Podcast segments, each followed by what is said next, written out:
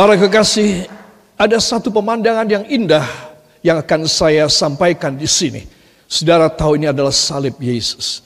Dan dia berdiri di atas satu gunung atau satu bukit. Ya saudara, saya akan berbicara mengenai soal posisi ini. Yaitu gunung dan ada salibnya. Apakah dia?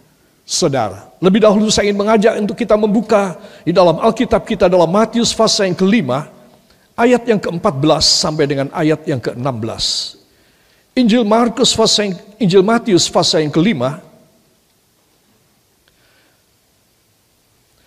ayat yang ke-14 dan ayat sampai dengan ayat yang ke-16.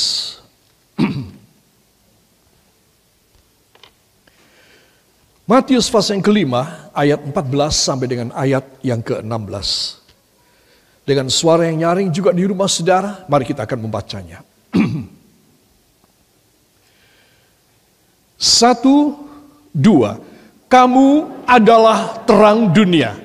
Kota yang terletak di atas gunung tidak mungkin tersembunyi. Lagi pula, orang tidak menyalakan pelita, lalu meletakkannya di bawah gantang melainkan di atas kaki Dian, sehingga menerangi semua orang di dalam rumah itu. Demikianlah hendaknya terangmu bercahaya di depan orang, supaya mereka melihat perbuatanmu yang baik dan memuliakan Bapamu yang di sorga. Amin. Katakan ini amin sekali. Ya, para kekasih perhatikan tiga buah ayat ini kamu adalah terang dunia, kota yang terletak di atas gunung tidak mungkin tersembunyi. Saudara, inilah gunungnya, ya saudara.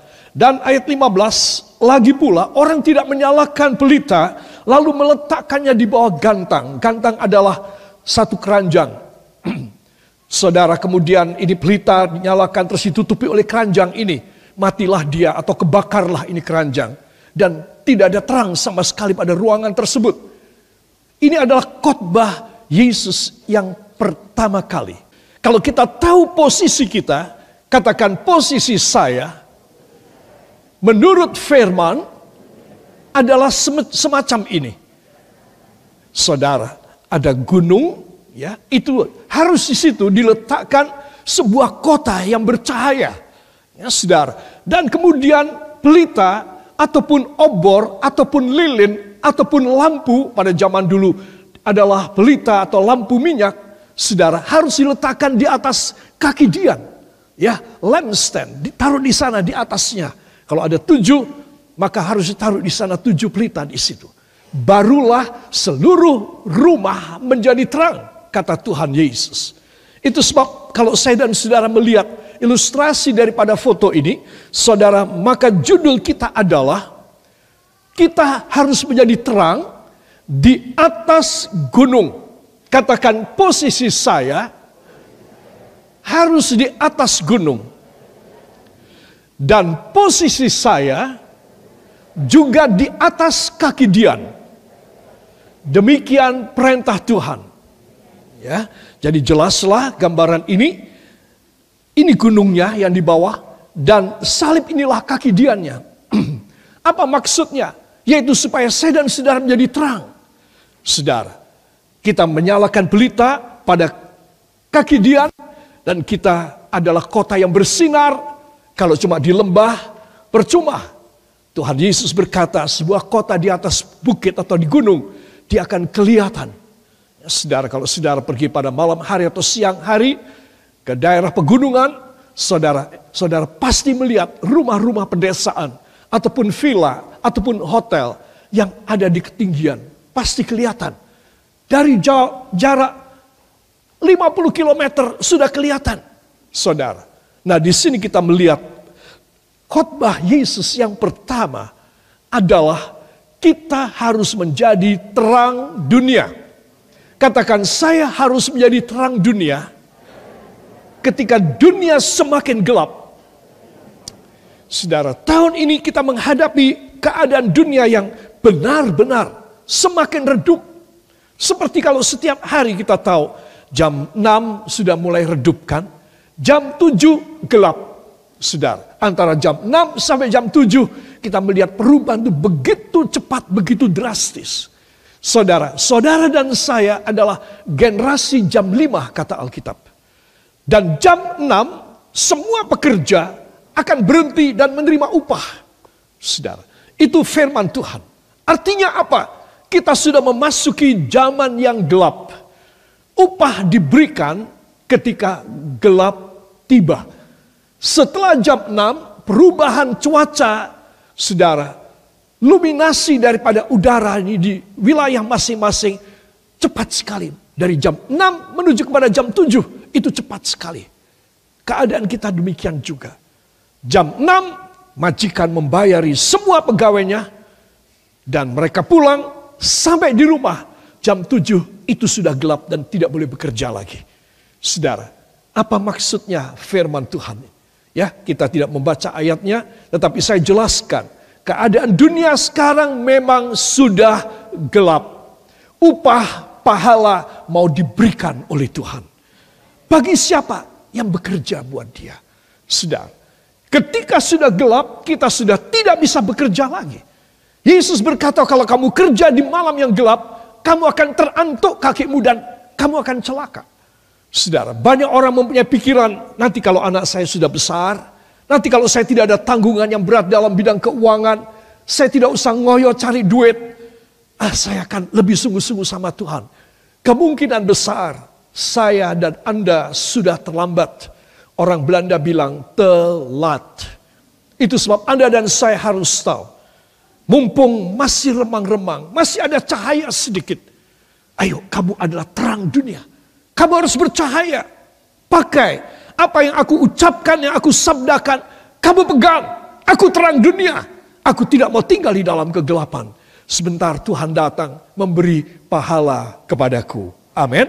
Itu sebab Anda dan saya harus tahu rahasia ini. Saya mau tanya, di manakah posisi kedudukan Anda? Satu, di atas gunung.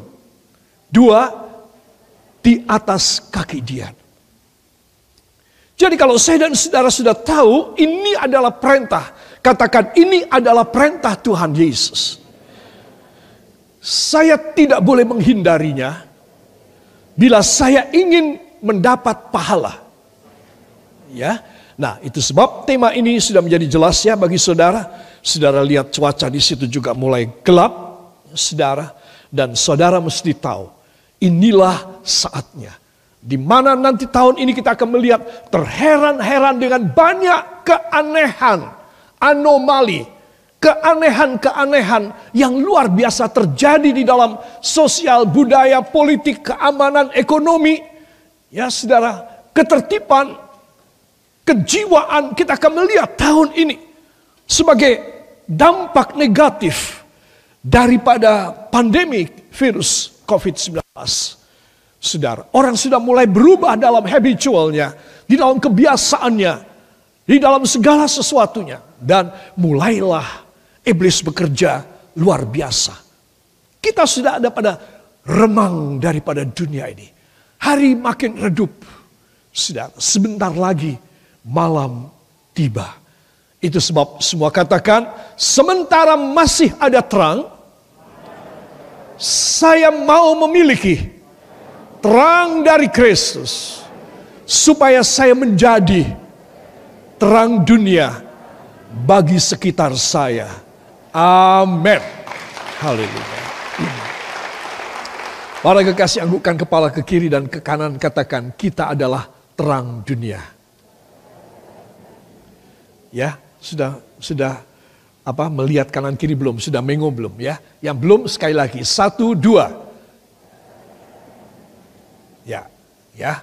Ada yang gini-gini juga lebih bagus. Ya, para kekasih, kita akan masuk dalam firman Tuhan ini.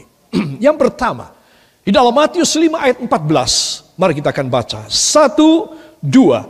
Kamu adalah terang dunia.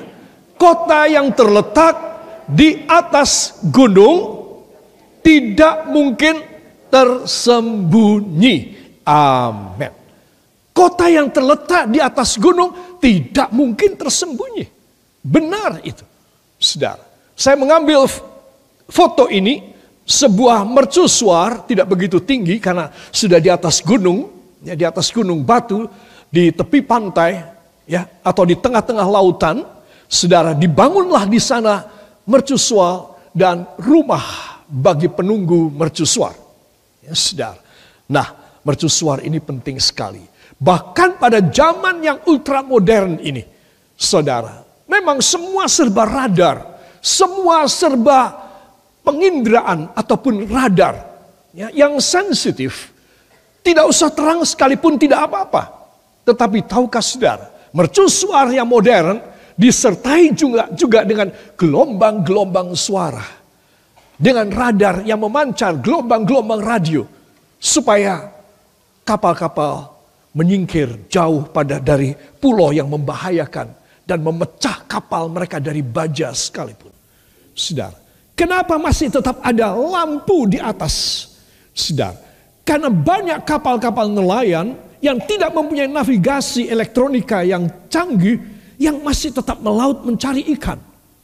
Dan berbahaya bagi mereka kalau mereka pada malam tidak ada terang, mereka menabrak ini pulau dan mereka akan binasa. Itu sebab terang tetap dibutuhkan. Di zaman yang ultra modern ini sekalipun. Ya saudara, Tuhan mau supaya saya menjadi terang. Itu sebab kedudukan saya ada dua. Satu, di atas gunung. Dua, di atas kaki Dian. Jelas saudara? Katakan kedudukan hidup saya di atas gunung dan di atas kaki Dian. Amin. Haleluya. Inilah posisi kita. Ya, posisi kita harus di atas gunung sesuai dengan firman Tuhan. Mau apa tidak? Ya. Harus apa tidak? Harus. Kenapa? Karena keadaan semakin gelap. Ya saudara, itu sebab Anda dan saya harus tahu tentang kisah ini. Bahwa saya dan saudara adalah salah satu mercusuar. Kita adalah menara suar. Kita adalah menara yang terang bagi semua orang. Saudara, memang tidak enak karena kita adalah orang yang agak terisolir, kita agak terpencil. Kita tidak di tengah kota metropolitan. Tidak ada di tengah kota dibangun mercusuar buat apa. Dia hanya dibangun di tempat-tempat yang sepi, tidak berpenghuni, yang berbahaya. Inilah maksud Tuhan. Kamu harus menjadi terang. Banyak yang bakal kecelakaan. Banyak yang bakal menabrak. Banyak yang bakal karam dan tenggelam. Dan mati. Aku taruh kamu seperti mercusuar, mercusuar. Sedar, di mana pun kamu berada, kamu harus menjadi terang bagi dunia. Katakan situasi dan kondisi saya seperti apa pun tetap Tuhan mau saya menjadi terang dunia. Yang mau beri tepuk tangan bagi dia, haleluya. Saudara yang kekasih, saya teringat salah satu jemaat kita dari Klaten. Ada Ibu Yulianti di sini, hadir? Ada Ibu Yulianti? Ada? Ada? Ya, Ibu Yulianti ya. Nah, dari Klaten, suami beliau sudah almarhum lama, ya saudara. Adalah seorang pekerja, pegawai yang dibayar oleh PBB dan bertugas pada satu mercusuar ya di daerah uh, di daerah Sumatera ya betul ya ibu daerah Sumatera ya nah daerah sana saudara jarang pulang ke Klaten saudara sendiri atau mungkin hanya beberapa teman saja di pulau terpencil ya saudara dan kebanyakan mercusuar memang dibangun oleh PBB karena itu ada pada perlintasan internasional tidak dibayar oleh pemerintah kita. Saudara, itu sesuatu hal yang berat sekali. Saudara, dan sepi, terpencil di tengah laut atau di pinggir pesisir laut. Saudara, tidak boleh tinggalkan begitu saja. Begitu jam 6 mulai waktu setempat sudah mulai harus menyalakan lampu-lampu listrik yang besar-besar itu. Dan mulai dinyalakan mesinnya supaya lampu ini memutar keliling. Saudara. Sampai menjelang pagi baru dimatiin. Saudara. Untuk apa? Untuk menyelamatkan kapal nelayan maupun kapal besar. Supaya menyingkir dari tempat ini. Saudara. Karena ini adalah satu pulau atau satu gunung batu karang yang berbahaya sekali. Saudara, dari kisah ini saudara dan saya tahu kita ini memang ditempatkan menjadi terang dunia supaya orang selamat. Katakan supaya orang selamat dengan keberadaan saya. Pekerjaan daripada jemaat kita ini ya. Bapak siapa namanya? Saya lupa.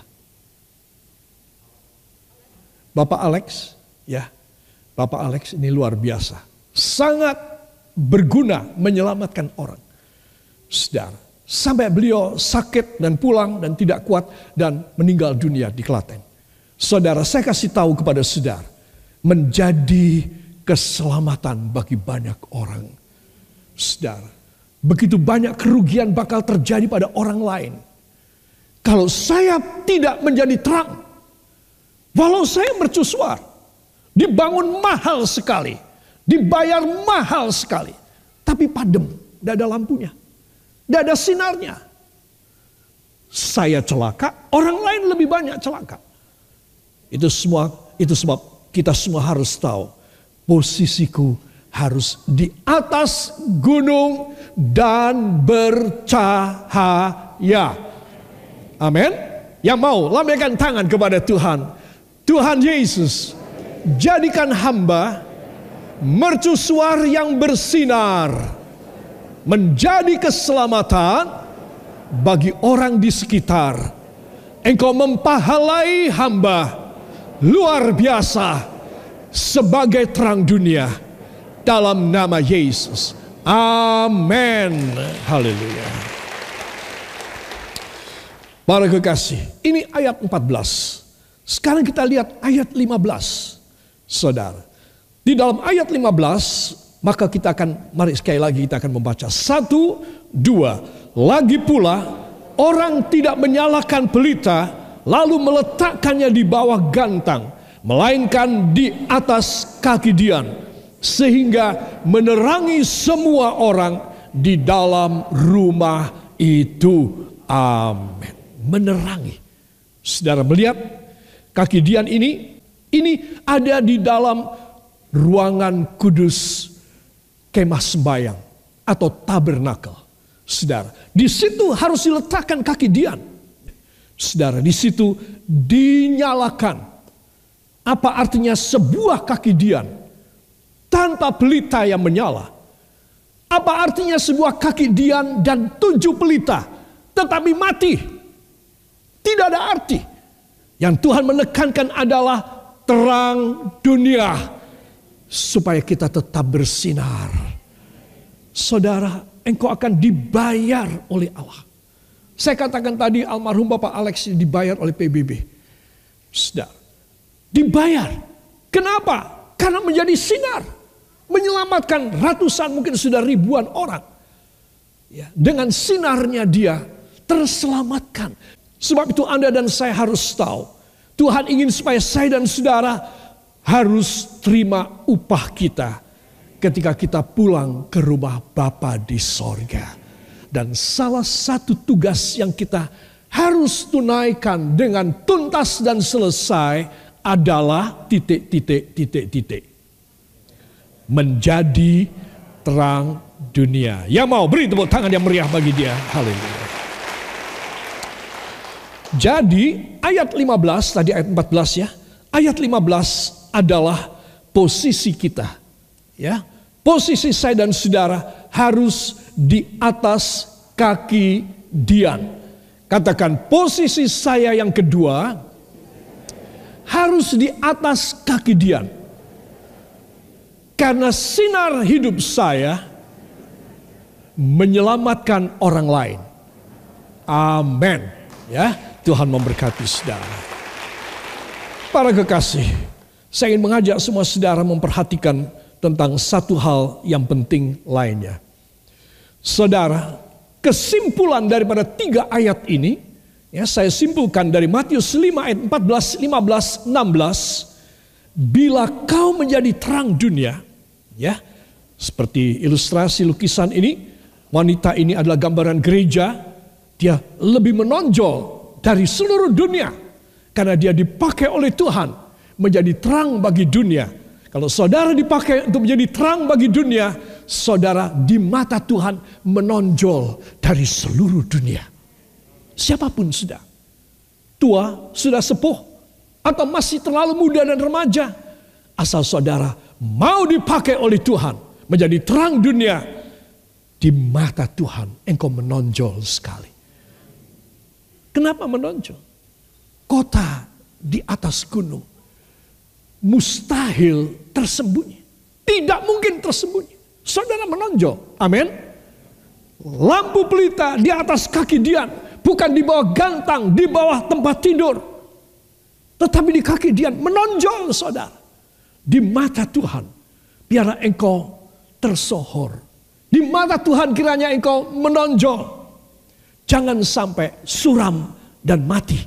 Gara-gara pergaulan yang tidak baik kehidupan dan kebiasaan-kebiasaan setiap hari yang berdosa. Mari minta supaya Tuhan menguduskan kita.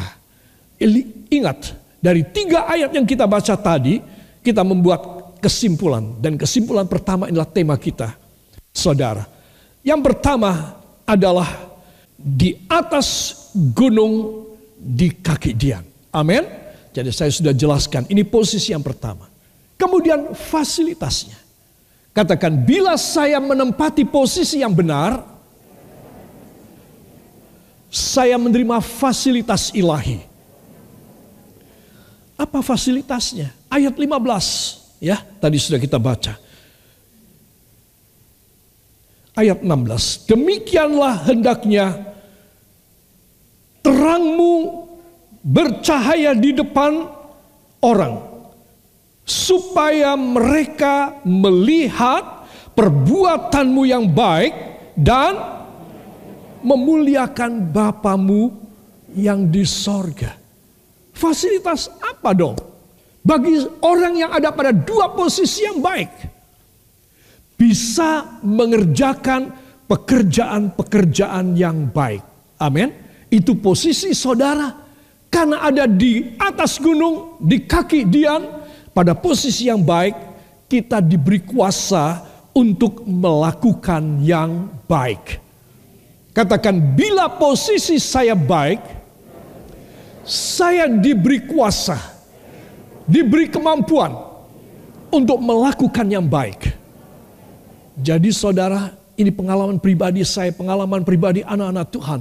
Semua harus ada posisi yang baik. Supaya diberi kemampuan ilahi untuk melakukan yang baik. Seringkali kita berdoa Tuhan jauhkan hari ini. Seperti doa Bapak kami ya. Dalam Matius pasal yang ke-6. Jauhkan kami dari semua yang jahat. Tapi saya tidak menjadi terang. Saya hanya ingin mendapat hadiahnya, upahnya, pahala saya hari itu. Saudara, saya tidak dapat. Karena saya tidak memperhatikan posisi hidup saya. Jadi kalau saudara ingin dapat gaji dan berkat yang baik dari Tuhan, satu contoh. Maka saudara harus mempunyai posisi dan pekerjaan yang baik. Yaitu menjadi terang dunia. Jangan malah menjadi unsur-unsur yang memadamkan dan bikin tambah gelap di dalam dunia ini. Saudara, tetapi saudara harus menjadi terang, katakan supaya saya diberi fasilitas untuk mengerjakan yang baik. Bukan yang tidak baik atau yang kurang baik. Supaya dengan demikian hasil saya baik luar biasa. Amin. Haleluya. Jadi tingkatannya adalah posisi. Kalau posisi benar, Tuhan kasih fasilitas untuk kita berbuat baik. Apa fasilitasnya? Keuangan. Itu nomor satu. Kalau saudara tidak punya keuangan yang baik, Bagaimana saudara berbuat baik dengan orang lain? Ya saya doakan ya. Ya saya berdoa supaya satu kali saya akan membantu Anda. Supaya saya bisa memberikan bantuan sama Anda. Saya nggak punya uang. Gimana saya memberi keuangan? Bagaimana saya membantu dia? Ya saya cuma bisa berdoa saja. Karena saya sendiri miskin. Saya tidak punya fasilitas dari Tuhan. Itu sebab semua dimulai dari posisi yang baik. Katakan posisi rohani saya tidak boleh rendahan. Tidak boleh duniawi. Tetapi tinggi.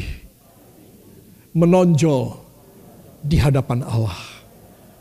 Sudah. Kalau orang bisa demikian, ayat 16, maka semua perbuatan baikmu akan dirasa oleh orang dan mereka goalnya, tujuannya mereka memuliakan Bapa. Haleluya. Dus orang bisa melakukan dengan fasilitas ilahi semua pekerjaan yang baik harus ingat. Bukan untuk kemuliaan dirinya sendiri, tetapi untuk kemuliaan Bapa. Perhatikan. Baik-baik, perhatikan maka engkau akan dicurai lebih banyak fasilitas lagi. Dan engkau selalu dipakai oleh Tuhan. Tidak lagi engkau mengemis. Tidak lagi engkau kekurangan. Tidak lagi engkau menangisi nasibmu. Karena engkau dipakai dengan fasilitas ilahi. Haleluya. Semuanya harus tertuju untuk kemuliaan Bapa. Dan saya melihat anak-anak Tuhan yang bisa melakukan demikian selalu diperkaya oleh anugerah yang bertambah-tambah di dalam hidupnya. Yang mau lambaikan tangan, katakan Tuhan Yesus, tahun ini saya harus berbeda. Nasib saya luar biasa dalam fasilitas daripada engkau. Sehingga tahun ini hamba boleh memuliakan engkau. Dalam nama Yesus. Tahun ini adalah kebangkitan hamba. Amin. Haleluya. Mari kekasih. Itu sebab di atas gunung. Katakan di atas gunung. Bila saya menuruti perintah Tuhan ini, saya berhasil dahsyat. Mari kita akan baca dari Hagai, kitab Hagai 1 2. Jadi naiklah ke gunung, bawalah kayu dan bangunlah rumah itu. Maka aku akan berkenan kepadanya dan akan menyatakan kemuliaanku di situ. Firman Tuhan, kamu mengharapkan banyak, tetapi hasilnya sedikit. Dan ketika kamu membawanya ke rumah, aku menghembuskannya. Oleh karena apa? Demikianlah firman Tuhan semesta alam. Oleh karena rumahku yang tetap menjadi reruntuhan. Sedang kamu masing-masing sibuk dengan urusan rumahnya sendiri. Amin. Saudara percaya ini adalah firman. Lakukan dalam hidupmu. Maka engkau akan menerima berkat luar biasa.